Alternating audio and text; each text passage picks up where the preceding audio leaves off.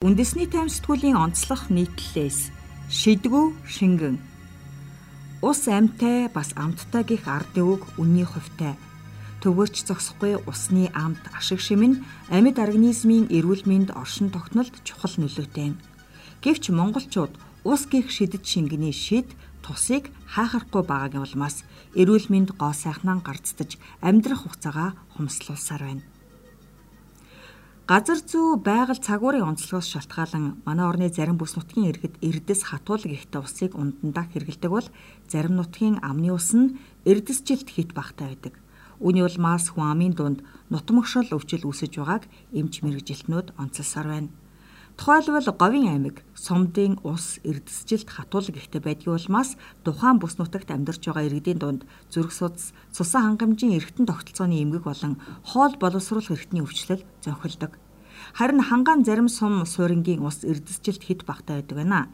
Тиймээс нутгийн иргэд бамбаа булчирхот томрох, булчин сулрах, яс хэврэгших зэрэг өвчнөр түгээмэл өвчлөнө.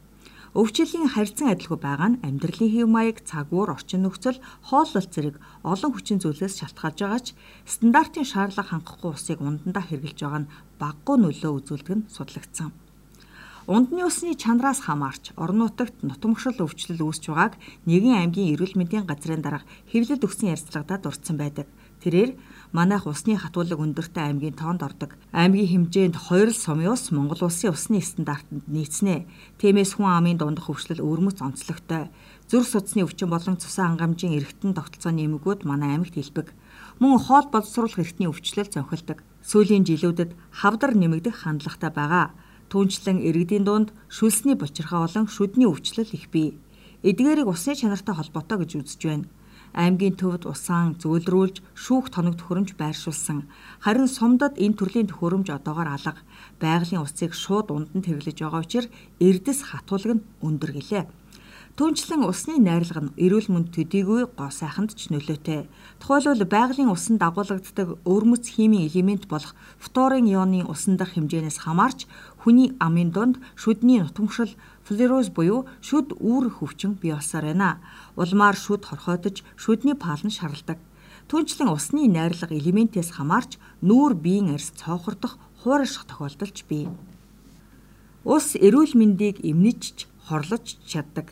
Байгалийн усанд эр орчим хими элемент байгааг мэрэгжлийн байгууллагууд олж илрүүлсэн. Тэдгээр эрдэс бичил элементүүдийн агуулмжаас усны эрдэсжилт болон хатуулаг хамаарна. Харин хатуулаг эрдэсжилтийн хэмжээ харьцаанаас шалтгаалan хүний биед эерэг болон сөрөг нөлөө үзүүлдэг байна. Эрдэсжилт дотор сульфат, хлорын ионууд харин хатуулаг дотроо магний ион зохис байвал хүний эрүүл мэндэд тохиромжгүй байдаг гэдэг нь судлагджээ.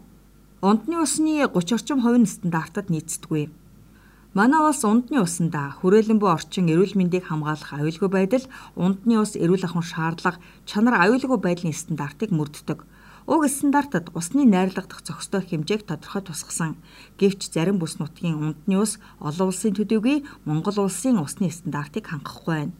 Тодорхойлбол төв суурин газар хэрэглэж байгаа ундны усны 30 орчим хувь нь дээрх стандартад нийцдэггүй нийт ундны усны 30 орчим хувь нь стандартад нийцгүй байгааг Шийдлэх ухааны академийн газар зүй геоэкологийн хүрээлэнгийн усны шинжилгээний лаборатори эрхлэгч доктор Одсрон 1960 оноос хойш хийгдсэн цөөнгөө судалгаан дээр үндэслэн олж тогтоожээ. Түүний мэдээлснээр манай улсад Эрдэсчил ихтэй ус ашигладаг төв суурингийн 55 худаг, магний ихтэй ус хэрэгэлдэг сумын төвийн 95, амны ус нь хатуулаг өндөртэй 55 сумын төв бий.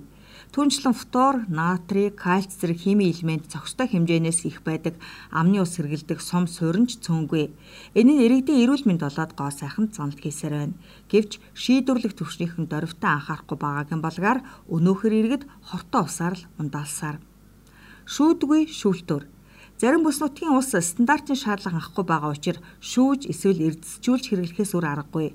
Гэвч үүнийг бизнес эрхлэгчид овжноор ашиглан усны хатуулаг эрдэс шүүх шүүлтүүрийг орон нутагт байршуулах нэрээр мөнгө цуслах явдал гарчээ.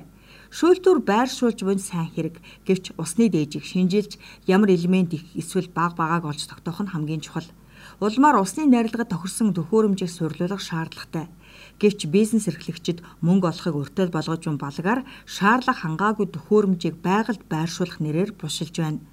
Түүнчлэн аймаг сумдын засаг даргын тамгын газар урсгал зардал байхгүй гэх шалтгаанаар төхөөрөмжийн шүүлтүрийг сольдгүй засвар үйлчилгээ хийдгүй улмаас ихэнх шүүлтүр ажиллагаагүй болжээ. Хүн мал хамт ундаалсаар байна. Усны найрлага чанараас гадна хөндөх ёстой нэг асуудал бий. Өнөөхөр нэг голоос хүн мал хамт ундaalдаг явдал өөрчлөгдөөгүй хിവэр. Тухайлбал Баян онгор аймагт гэхэд цэвдгийн улмаас худаг ашиглах боломжгүй 3 сум бий.